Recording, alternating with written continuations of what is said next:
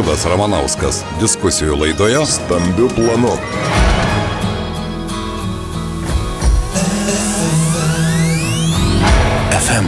99. Stambių planų. Sveiki, bičiuliai. Stambių planų rubrikoje šiandien e, mes diskutuosime jautrę temą. Šią savaitę Seimo neįgaliųjų teisų komisija nepritarė neįgalumo nustatymo sistemos pertvarkai. Komisija pasiūlė Seimui projektą gražinti socialinės apsaugos ir darbo ministerijai tobulinti. Na ir be jokios abejonės, tai yra tik tai, galima sakyti, biurokratinė formuluotė, bet iš esmės apie neįgaliųjų problemas konkrečiai Lietuvos mieste ir visoje Lietuvoje šiandien mūsų studijoje mes ir diskutuosime su Lietuvos autizmo asociacijos Lietuvos vaikai vadovė Klementina Gruzdienė. Labadiena, Klementina. Sveiki. Taip pat mūsų studijoje šiandien žmonių su negale Teisės stebėsinos komisijos pirmininkė, Lietuvos miesto savivaldybės neįgalių reikalų komisijos narė Kristina Dudonytė. Kristina, labadiena. Sveiki. Ir prie mūsų diskusijos prisijungia Seimo narys Vytautas Bakas. Labadiena, ponas Vytautai. Labadiena.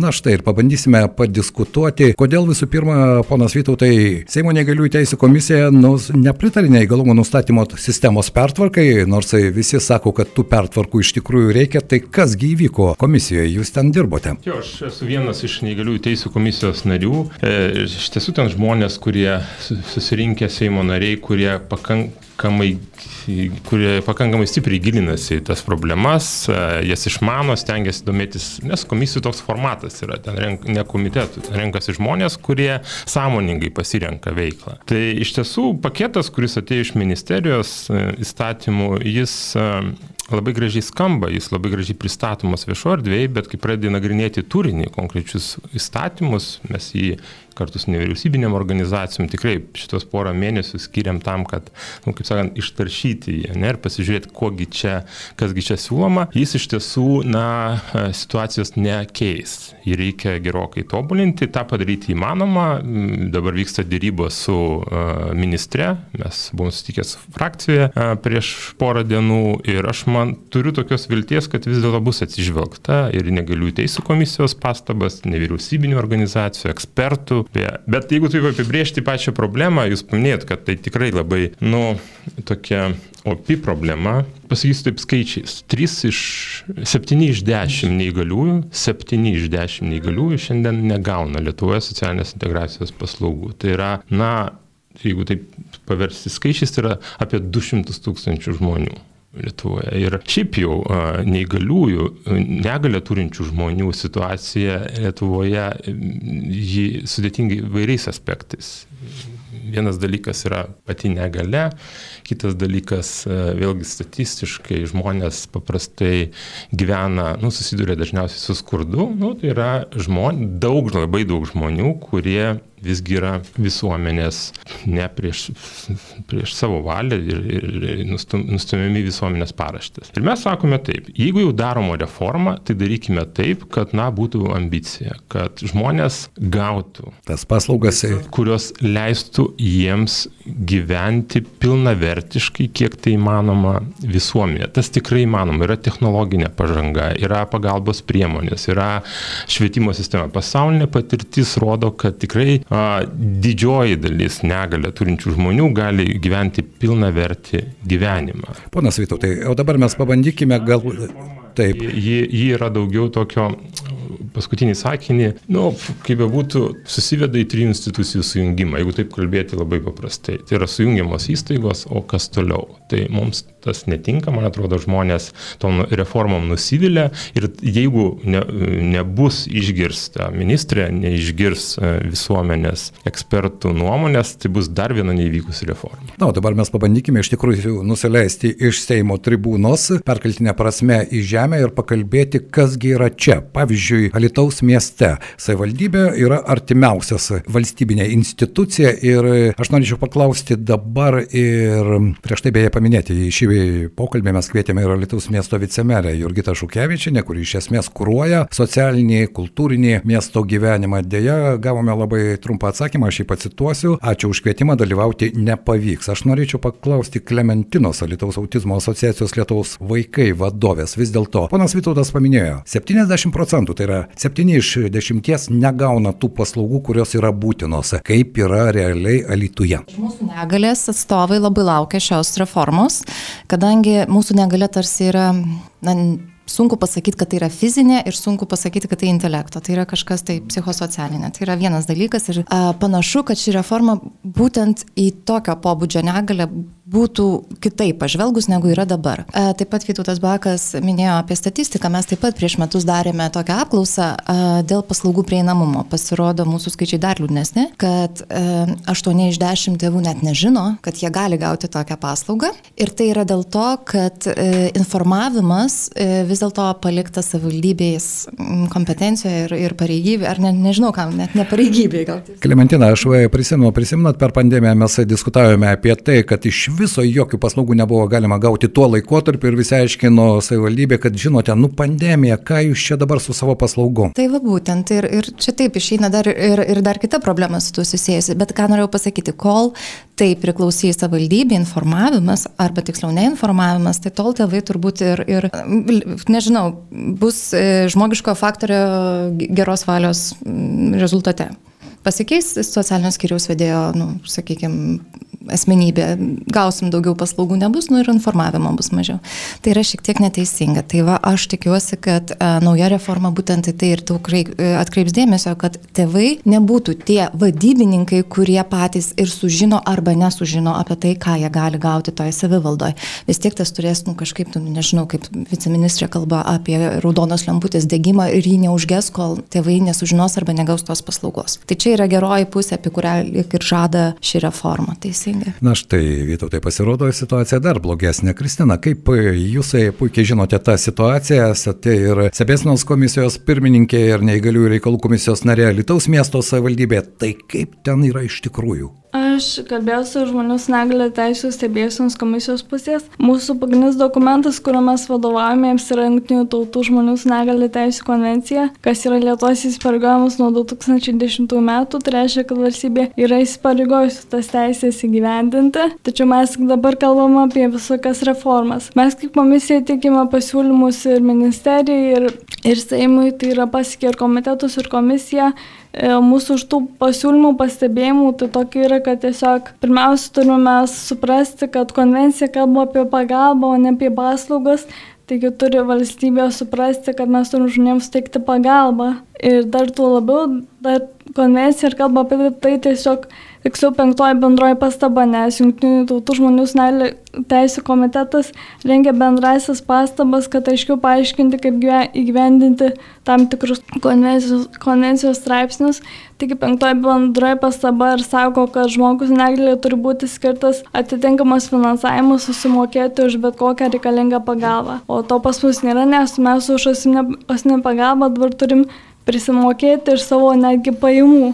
Tai vadinasi, kuo tu turi sunkesnę negalę, tuo tu daugiau turi prisimokėti. Taigi apie tai konvencija tikrai nekalba ir tai draudžia. O kalbant apie kitus aspektus, mes e, siūlėme, kur yra įvairios teisės, tai kad jos taipogi būtų svarbus akcentas lygiai su kitais, nes jeigu čia teisų apsaugos įstatymas, kaip atsimenu toks pavadinimas, tai ir turi būti visur akcentuota, kad lygiai su kitais visose gyvenimo srityse. Kristina, dar vienas klausimas. Štai Klementina sako, jog paslaugų teikimas, aš dabar apie paslaugas vis dėlto norėčiau išgirsti, priklauso nuo to žmogaus, kuris kūruoja, ar ne, miesto savivaldybėje. Jūs vis dėlto domitės ne tik miesto, bet ir visos šalies, ar ne, ir tą informaciją jūs pasiekė. Tai ar iš tikrųjų priklauso nuo to žmogaus savivaldoje, kaip jis žiūri į žmonės su negale, į tą teikiamą paslaugų paketą, ar vis dėlto, na, įstatyminė bazė yra visiems vienoda, bet viskas priklauso nuo ko? Šiaip mes praėjusiais metais kaip komisija vykdėme tyrimą ir susitikimus su 24 keturiomis Lietuvos savivaldybėmis ir bent jau kaip stebint, kaip jie tą konvenciją gyvendina, tai tikrai teko pastebėti, kad įvairius, įvairiais klausimais yra tų netitikimų ir, ir tą teikiant pagalbą, tuo labiau galbūt tas toks sudėtingiausias uždavinys yra, kad žmogus yra patampa suaugęs ir miršta jo tėvai ir jis tiesiog yra į globos instituciją, pa, kaip sakant, nu, nus nusinčiamas, o iš tikrųjų turėtų būti valstybė sukurti strategiją, kad žmogus ir toliau galėtų gyventi bendruomenėje ir tuose pačiuose namuose, kur gyveno prieš tai. Taigi tam reikėtų suteikti tą esminę pagalbą visą, nu, visą parą ar panašiai kaip ir Švedijoje. Supratau, ponas Vytautai, ko reikia? Štai mes diskutuojame, turime realią situaciją konkrečiai Lietuvos mieste, aš nebėjau, kad ta situacija yra panašiai ir daugelį Lietuvos valdybių. Ko reikia? Yra ministerija, yra nevyriausybinis sektorius, yra pagaliau savivalda. Tai kame problemos yra, jeigu štai ir pertvarkai negaliųjų teisų komisija nepritarė, ar ministerija jį ruošia įstatymų,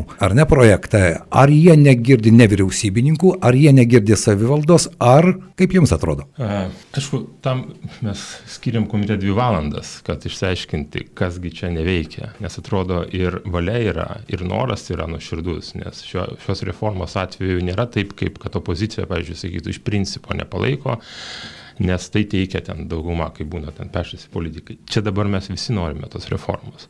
Bet ta, kad turim susitarti, kaip padaryti taip, kad tie 8 iš 10 arba 7 iš 10 arba savivaldos atveju yra dar liūdnesni skaičiai, aš juos net bijau vardinti, e, oficialus tai 13 procentų gauna, pasirodo, nu, tai yra 1,3 3 iš 10 gauna paslaugas. Labai gaila, kad čia nedalyvauja savivaldybės atstovas. Būtų nu, išgirsti svarbu irgi tą nuomonę. Bet dabar pabandysiu trumpai. Būtent visi supranta, kad yra pilkoji zona toje vietoje, kada žmogus iš, išgirsta tą e, ar kad, kad turi negalę, ar įvyksta įvykis, dėl kurio jis turi negalę, arba gimsta vaikas, dėl kurio su negale. Ne? Ir yra pilkoji zona tarp to sužinojimo ar fakto ir iki to formalaus momento, kada žmogų pripažįsta oficialiai institucija, kad jis turi negalios ten nu, kažkokį laipsnį. Ne? Va toj pilkoji zonai žmogus iš viso negauna jokios pagalbos. Iš esmės, apart ten gal medicinės, jeigu kreipiasi, bet negauna informacijos, kaip Klementina sakė. Tai va šitas įstatymas šitos problemos nesprendžia. Žmogus nežino, pavyzdžiui, tėvams gimsta ligoniniai kūdikis, ten su kokia klausos negale, ne, be abejo, tėvams yra šokas, reikia ir psichologinės pagalbos, ir gal galia reikia e, po to susivokti ir suprasti, o tai kaipgi tam vaikui padėti. Ir čia šitoje vietoje patarėjo nėra. E, ir tokiu būdu, pavyzdžiui, vaikai su šita reforma apskritai nustumami į šalį, reiškia, jie nedalyvautų šitoje sistemoje, nu, kurie įgy, e, kuriems yra negalė. Ir ką mes siūlom? Mes sakome, kad e, būtina informavimo funkciją perduoti patiems tėvams, tai yra nevyriausybiniam sektoriui, kad prasidėtų toks, nu, palidėjimas, paglobojimas. Nes, nu, tikrai su visa pagarba valdininkam, valdininkas, kuris nematęs gyvenimo negalę turinčio vaiko, neturėjęs reikalų aplinkoje, nu jis nesupranta, kokios reikia jam pagalbos. Ta gali padaryti tik nevyriausybinis sektorius. Todėl mes siūlome įstatymų įdėti funkciją, kad kai kurias labai svarbes pareigas, taip vakarų valstybėse yra, tai yra deleguoja valstybė tam tikras funkcijas, skiria pinigų, apmoko ir tą daro nevyriausybinis sektorius. Pavyzdžiui, Lietuvoje tokie pavyzdžiai yra labai geri. Tikrai. Tai yra smurto artimoje aplinkoje įstatymas, jis buvo nesin... visa sistema, ne, kada buvo atiduota nevyriausybiniam sektoriui, ten moterų krizių centrai, jie dirba čia, nieko bendro su valdžia neturi, gauna finansavimą biudžetinį, dalyvauja konkursuose ar kitaip ir teikia pagalbą žmonėms. Dabar problema numeris du jeigu galima, kuri, aš tokius esminius dalykus. Reformos autoriai mano, kad žmonėms turintiems negalę gali padėti tik socialinės apsaugos ir darbo ministerija. Kitaip tariant, įstatymė, kurime, kuris dabar teikiamas paketas, nėra nei švietimo ministerijos, nei sveikatos ministerijos. Ir kas atsitinka? Pavyzdžiui, socialinės apsaugos ir darbo ministerija gali padėti žmogui įsidarbinti, gali ten kažkokią techninę priemonę suteikti, bet tarkim vaikui kuriam reikia adaptuotos švietimo sistemos, darželių, ji negali padaryti nieko. Tam reikia švietimo ministerijos, kartu aišku su savivalda, mokyklomis. Tam įstatymė apie tai iš viso nieko nėra. Nu, toks įspūdis, kad, tusme, žmonių su negale problemos yra tik sutsminė. Tai yra nesąmonė, taip negali veikti sistema. Nu, jeigu vaikas, bet aš žinau iš rajono atveju, ten iš, dar Kaune Vilniuje žmonės klaipėtoje gauna pagalbą, bet jeigu ten koks negirdintis vaikas gimsta toliau, aš nevardinsiu miestų, tai būna, kad tėvai sužino apie jo negalę, kad jisai negirdi arba, arba kitą negalę tik praėjus, tarkim, metams, dviejiems, kada yra jau nebegrįžtami reiškiniai. Tai kitaip tariant, šioje vietoje turi ateiti švietimo sistema. Nu ir trečias dalykas turi ateiti medicina. Tai taip pat sveikatos sistema taip pat atsigulti į tą įstatymą. Tai kitaip tariant, ir nu, paskutinė galbūt mintis, pati paslaugų piramidė, mes ją siūlome versti. Dabar, pavyzdžiui, įtvirtinta toks, įtvirtinantas toks principas. Žmogus su negale arba jo artimieji, jeigu m, turi problemą, tai jie tada turi kreiptis į instituciją, jį nustato negalę, nu, tipo ateiti pas instituciją, kaip geriausiai sovietmečio laikais. Ne?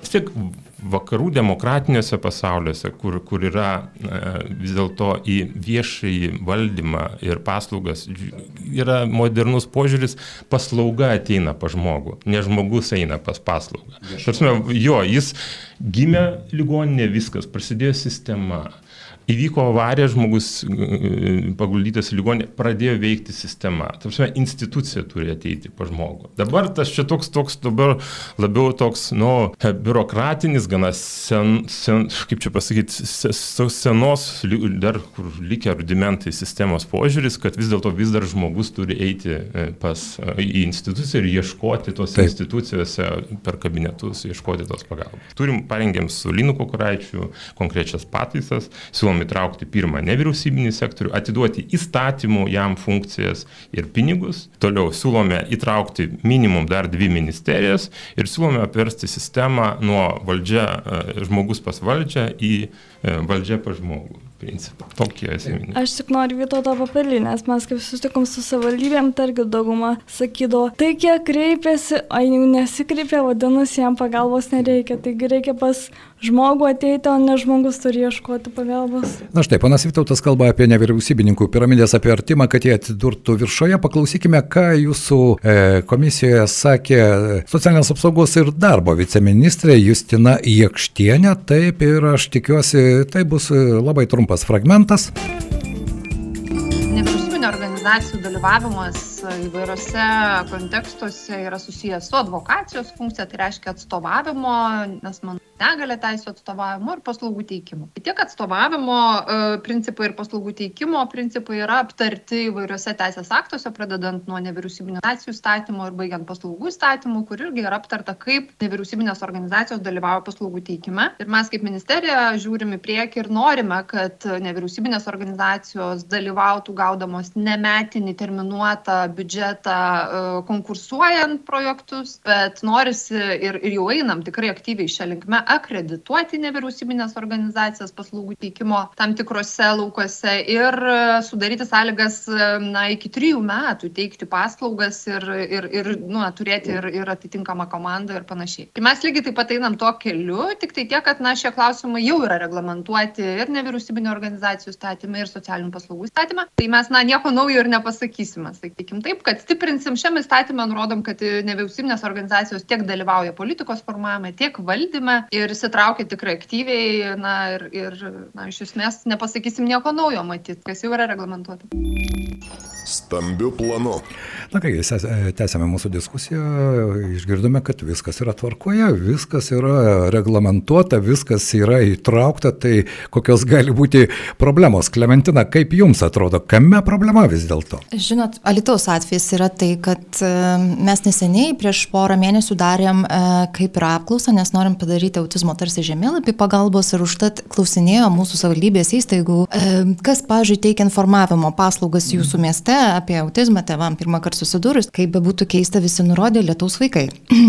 Labai malonu, aišku, kad ir pati savivalda nus, m, parodo, kad tarp institucinio bendradarbiavimo funkcijas jo savivaldoje atlieka nevyriausybinė organizacija. Kai ateina kalba, o tai gal pirkit, jeigu jau taip atliekam mes tai. Tada prasideda, nu, kaip čia tą algoritmą padaryti, kaip čia tas pirkimas, nu, vėl, nu, turime nei, e, tarsi kažkam paliekam apsispręsti, tai ar pirkit ar nepirkit. Va, man čia tokio sujungimo ir, ir neįvyksta, nu, ir tai šiek tiek apmaudu, nu, kaip ir darbą atliekame, teisingai, nes patys ir pripažįsta. Tai kiek tekia kreiptis ar į tarybos narius, kad gal nu, tikrai pabandom pasvarstyti, tai vieni žiūrėjo į tai kaip, o, puikiai tema konfliktui, gal ir LRT pakviečiam, o kiti priešingai pasvarstykim, bet praėjo pusę metų kaip ir atliekam, bet nu, nenupirkta. Tai čia tikrai tiesa, kad jeigu būtų kažkoks reglamentuota, tai nu, mums tiesiog būtų lengviau ir kitus tada darbus, ar advokaciją ir taip toliau užsiimti, jeigu bent jau tai būtų, nu, tai ką mes atliekam, tai būtų finansuojama, nes tai yra galų galia laikas ir profesionalumas ir taip toliau. Taip.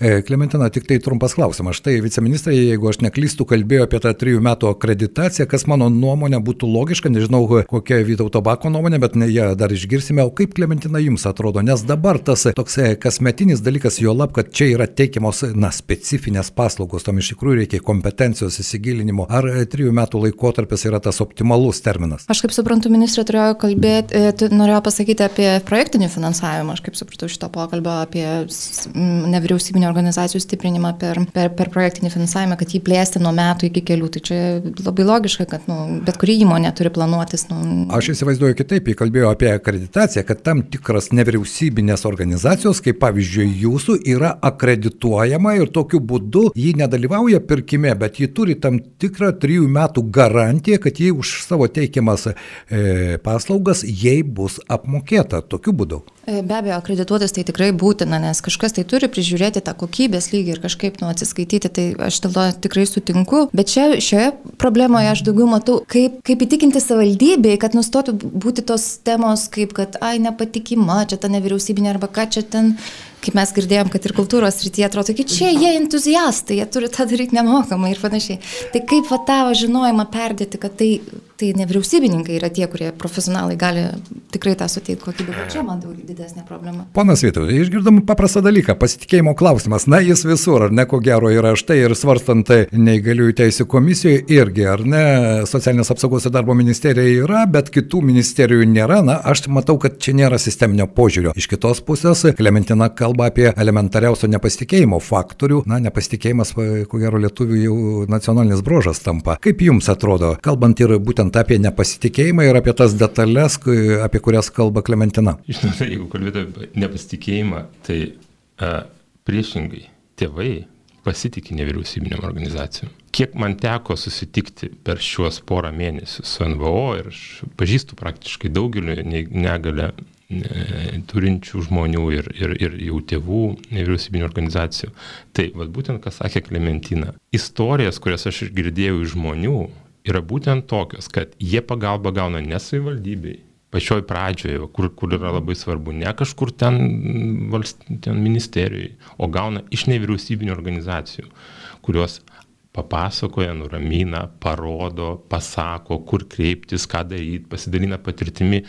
Visuomenė pasitikė. Aš gal pasakysiu a, kitą priežastį, kodėl nenorim NVO atiduoti. Tai yra visiškai pragmatinė priežastis, tai yra pinigai. Jeigu mes išdrysime atiduoti žmonėms, patiems žmonėms pinigus NVO, tai yra dešimtis milijonų eurų, jeigu ne šimtai prasme. Ir čia, nu, valdininkai žiūri labai paprastai, labai paprastai.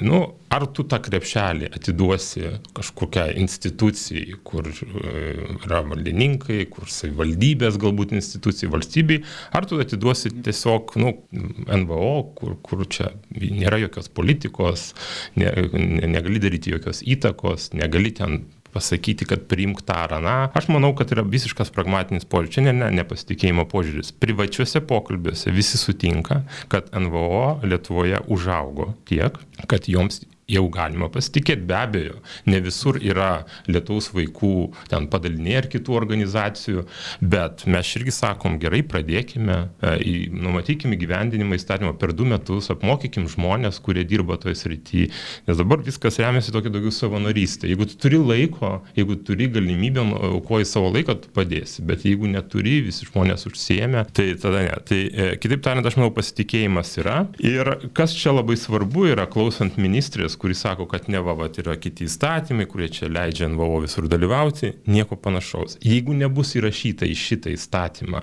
konkreti funkcija, konkrečiame straipsnėje, kad yra e, deleguojama nevyriausybinėm organizacijom, tada jau priklausys nuo malonės. Nuo geros valios. Jo, norės, duos, nenorės, neduos, nu, tokia yra praktika.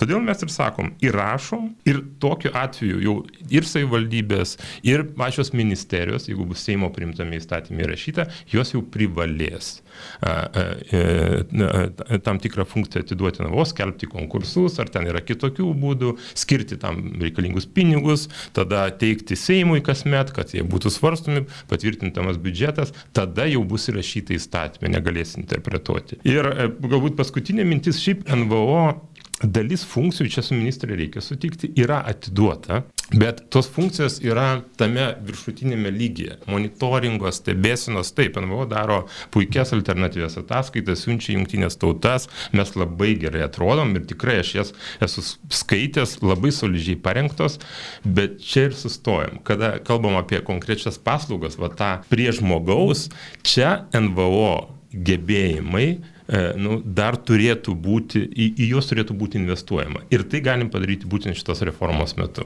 Na štai, kalbant apie investiciją ir e, NVO sektoriaus augimą, nevyriausybinio organizacijų auginimą, jeigu mes norime, kad sistema funkcionuotų ir mes e, viceministrė sutinka, kad funkcijas galima perduoti, na, dažnokai jūs teisus, politikai kalba apie funkcijų perdavimą, bet pamiršta priminti, kad reikalingi ir pinigų srautai tom funkcijom atlikti, ar ne, nes dažnai tokia situacija ir būna. Savivaldoje vis dėlto Aš suprantu, Klementina ir Kristina, norėčiau į Jūs kreiptis. Vis dėlto dauguma štai tokio pobūdžio nevyriausybinių organizacijų, jas kuria žmonės, kurie patys su ta problema susiduria, su vienokia ar kitokia problema. Jiems tai yra artimas, skaudu, jie turi tos patirties ir jie tada bando surasti išeitį, ar ne? Kiek, nežinau, Klementina, ar taip iš tikrųjų yra, bet mano nuomonė, tokiu atveju tas suinteresuotumas yra visiškai kitoks. Iš tiesų jūs teisus, be abejo, kadangi tai yra apgrįsta dažniausiai savanorystės pagrindų dalyvavimas nevyriausybiniai.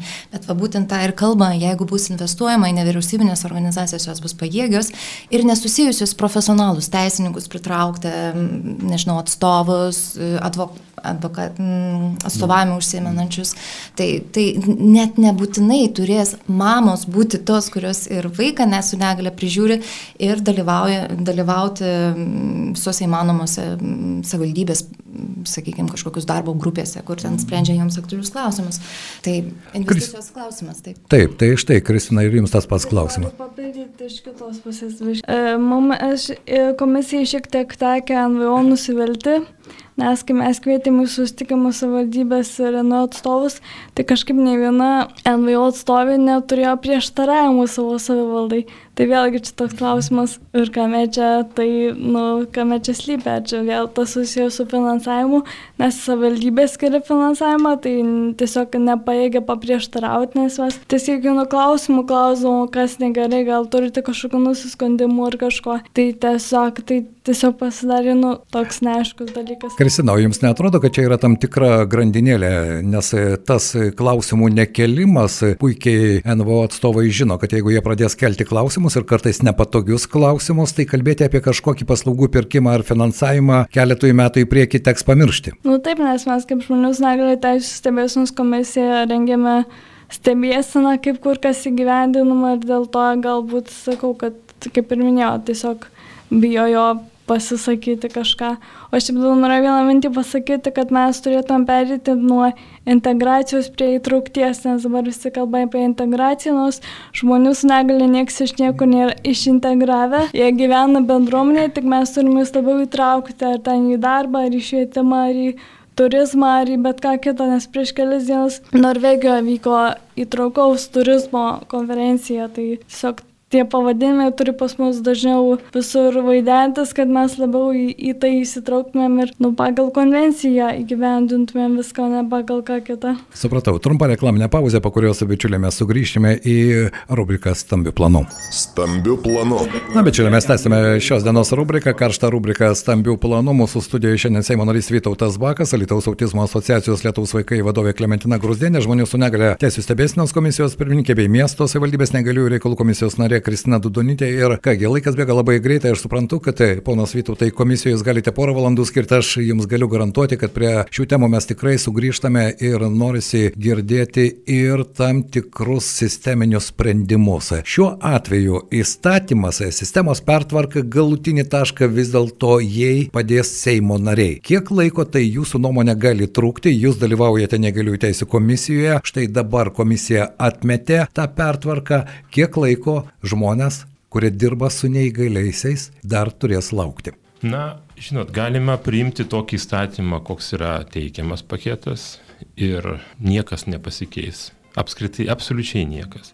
Bet galima kovoti dėl to, kad jis būtų kitoks, būtų daugiau traukimo, aiškus finansavimas ir įsipareigojimas institucijų. Tai pasakysiu taip, kad be abejo aš esu iš opozicijos žmogus ir jeigu norės dauguma, jin gali nesiklausyti, kartais tai būna, dažnai jie gali buldozeriu jį priimti, nu tokį koks yra, pavadinti tai reformą, bet panašu, kad mums pavyko visgi įtikinti ir dalį tos pačios ir e, įtikinti pačią ministrę, kuri bent jau vakar frakcijoje, už vakar frakcijoje pažadėjo, kad ieškos formuluočių kaip įstatymę įdėti tą, e, tą funkcijų delegavimą NVO yra labai bijomasi. E, taip pasakant, e, mes turim palaikymą šiokį tokį iš prezidentūros, nes prezidentas, kaip suprantu, nes dalyvau, mes buvom sutikę su prezidento, patrė, su prezidento patrėjomis, jis irgi mato, kad reikia labiau įgalinti ir nevyriausybinės organizacijas ir savivaldą. Tai aš tikiu,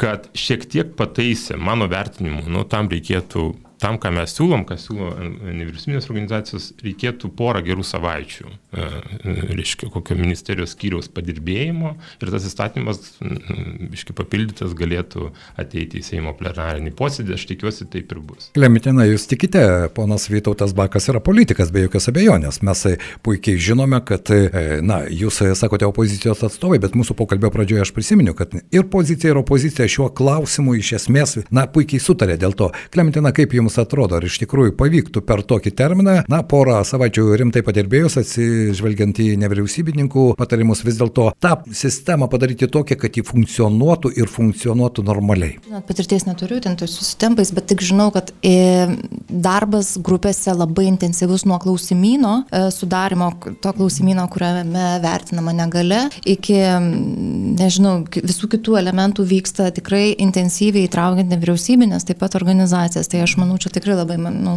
mastarbinis, mas, maštabai tikrai dideli to darbo ir visoms rytim vykstantis, tai intensyvumas iš tiesų didelis. Aišku, Kristina, kaip jums atrodo? Aš tik žinau, kad kitą savaitę bus socialinių reikalų ir darbo komiteto posėdis, kuris yra pagrindinis. Mes ten taip pat dalyvausim kaip komisija apginant savo pastabas. Tai net ir, um, nežinau, mano, jeigu tikrai bus įdirbis ir padirbėta ties tuo, bet aišku, tai reikia labai giliau ir atsižvelgti į visus visus, visų pastabas ir, nu, ta prasme, tą visą įdėtą darbą ir kad būtų bent jau pagal konvenciją labiau atsižvelgta, nes dabar to nėra. Tai manau, tuomet būtų viskas kaip ir tvarkoji. Panas Vytautai, aš tik tai norėčiau paklausti. Štai Lietuvoje dabar pradedamas ES prieinamumų direktyvos perkelimas į nacionalinę teisę, tam tikrų koreliacijų mes galime surasti. Ar tai negali būti tas nedidelis botagėlis, kuris privers nesvarbu opozicijoje, pozicijoje, ministerijas, Seimo narius, nevyriausybininkus iš tikrųjų susitelkti ir padaryti gerą darbą, kad, na, tas skaičius, apie kurį jūs kalbate, jog aštuntas, devintas žmogus iš dešimties negauna elementariausių būtinų paslaugų civilizuotoje visuomenėje, na, jis pagaliau kažkaip būtų išspręstas. Jo, tai visuomenė yra visada tas botagėlis, ne tik direktyva. Direktyva galima, pažiūrėjau, jeigu opozicija nekeltų šito klausimo, aš manau, gal jisai būtų priimtas toks, koks yra. Mūsų darbas daryti spaudimą. Mes darome tikrai milžinišką spaudimą valdančiai daugumai, būtent dėl neįgaliųjų teisų reformos. Taip pat įtraukiam nevyriausybinės organizacijas ir aš labai tikiuosi, kad kai bus šitas įstatymas svarstomas ne tik komitetuose, bet ir Seime, nevyriausybinės organizacijos iš regionų atvažiuos į Vilnių, atsisės balkone ir tikrai savo bent sėdėjimu ir tylėjimu parodys, kad šitas įstatymas yra svarbus. Tas yra labai svarbu. Jeigu visuomenės užsakymo nebus, mes galime neturėti tokių tempų, kokių norime. Tai aš norėčiau ir Klementinos ir Kristinos paklausti, ar jūs sutiksite atvažiuoti į Seimą ir pasėdėti balkone, būti tuo Vox Populė liaudės balsu? Ta teisė gyveninam kiekvieną dieną, dirbdami ir dalyvaudami darbo grupėje. Ir man atrodo, tą spaudimą jie tikrai jaučia ir, ir jau. Taip, taip, tas spaudimas bandomas daryti iš visų pusių, kaip tai galima. Na, tikėkime, kad iš tikrųjų mūsų pokalbės tai tik pradžia ilgesnių pokalbių ciklą, nes apie tai reikia kalbėti, nes tai yra mūsų bendruomenės nariai. Nežinau, kiek tie skaičiai atitinka realybę, nenoriu abejoti pono Vytauto Bako pasakyti skaičių, jog 200 tūkstančių Lietuvos gyventojų turi vienokią ar kitokią negalę, bet jie yra taip, na, jie yra mūsų visuomenės nariai. Man iš tikrųjų gaila, kad šiandien mes neturime mūsų kviestos vicemerės, nes mano nuomonė vis tiek įstatymai yra įstatymai, realus gyvenimas vyksta čia, savivaldoje ir nuo to, koks bus savivaldybės, ne tik klerkų, bet ir savivaldybės politikų požiūris į problemos sprendimo paieškas, ne vien tik tai įstatymo po įstatyminio akto vykdymą, bet žmogiškas požiūris į tavo pačio bendruomenės narius, ar ne, jų alituje. Ar gali Klementina ir Kristina pasakyti, kiek mes alituje turime žmonių, kuriems reikia pagalbos, kurie turi vienokią ar kitokią negalę? Aš galbūt būsiu tiksliausia dėl savo negalios, sakykime, dėl savo grupės, tai ar tai būtų Australija, ar tai būtų Austrija, ar tai būtų Alitus, tai yra 1,5 procentai visos populacijos yra mano bendruomenė. Bet to, kad tai yra vaikai, tai vadinasi, tai liečia ir tėvus, ir, ir, ir, ir švietimo sistemas, ir, ir, ir klasės mokinius, tai yra bendruomenė žvėriškai didelė, kaip sakom. E, kaip jau iš sus, susitikimų su savivaldybėmis teko pasibėti, kad ne viena savivaldybė nežinau, kiek juose gyvena žmonių su negale, tai statistika pas mus yra, yra labai blogas dalykas, nors neįgaliųjų e, teisų konvencija ir komitetas teikęs rekomendacijas 2000. 2016 metais rekomendavo, kad statistika turi būti konkreti renkama ir panašiai, tačiau pas mus savadybėse paklausus, kokią pas jūs statistiką pagal negalios pabūdį, tokių atsakymų nėra. Ponas Vytautai, ar jūs išgirdote, savivaldybės nežino, kiek jų bendruomenėse yra žmonių, kuriems reikalinga pagalba? Jo, čia ir yra viena iš, kaip ir minėjau, ta pilkoji zona, kai, dėl ko žmonės negauna pagalbos, dėl to, kad negauna informacijos. Vat, viskas labai elementaru. Ir būtent mūsų analizė, diskusijos, e, laužiam galvas, kaip tą padaryti, kad jos neliktų. Ir matom vienintelį kelią, tai yra pačius žmonės, yra ne, nevyriausybinės organizacijas. Įgalint ir aš manau, mes turėsime proveržį. Kažkaip aš apskritai tikiu nevyriausybinio organizacijų gale, pats iš ten esu atėjęs ir užaugęs kaip politikas. Ir a, aš manau, kad jo labiau yra, pažiūrėtos vaikus, aš su jais susipažinau per rinkimų kampaniją. Parke buvo toks renginys, bet po to supratau, kad juos žino visa Lietuva. Tar, tikrai, tarkim, Lietuvos vaikai bet yra viena. Lietuvai susipažinote. Bet susipažinau Lietuvai, jo. Po to jau e, matau, kad ir ir komitete, ir ko nepaklausai, patarėjų, e, kolegų, a, Lietuvos vaikai visi žino. Ir mes turim tokių organizacijų dar, jų nėra labai daug, bet aš manau, jeigu mes jas įgalinsim, padėsim plėstis, aukti, tą problemą išspręsim be. Be jokios abejonės, tai tuo pat metu gali būti puikus pavyzdys toms naujoms nevyriausybinėm organizacijom, ar ne, kurios galėtų aukti su valstybės pagalba, su savivaldos pagalba ir iš tikrųjų teikti kompetitingas paslaugas, kurių tikrai reikia. Šiandien noriu padėkoti mūsų studijoje viešėjo Seimo narys Vytautas Bakas, Lietuvos autizmo asociacijos Lietuvos vaikai vadovė Klementina Grusdienė, žmonių su negale teisų stebėsinos komisijos pirmininkė Lietuvos miesto savivaldybės neįgalių reikalų komisijos narė Kristina Dudonytė. Pas jūs tiek daug titulų, kad Kristina Kolojos perskaitė pavargsti. Ir mūsų studijoje neviešėjo Lietuvos miesto vicemerė kviesta Jurgita Šukevičinė ir tai man irgi yra akivaizdus įrodymas. Kaip bebūtų, galbūt aš kategoriškai sakau, bet ten, kur yra žmonės, kuriems reikia pagalbos, laiko surasti, galimybę surasti, apie tai padiskutuoti tikrai, mano nuomonė, įmanoma. Ačiū Jums šiandien, kad buvote studijos svečiai. Dėkui.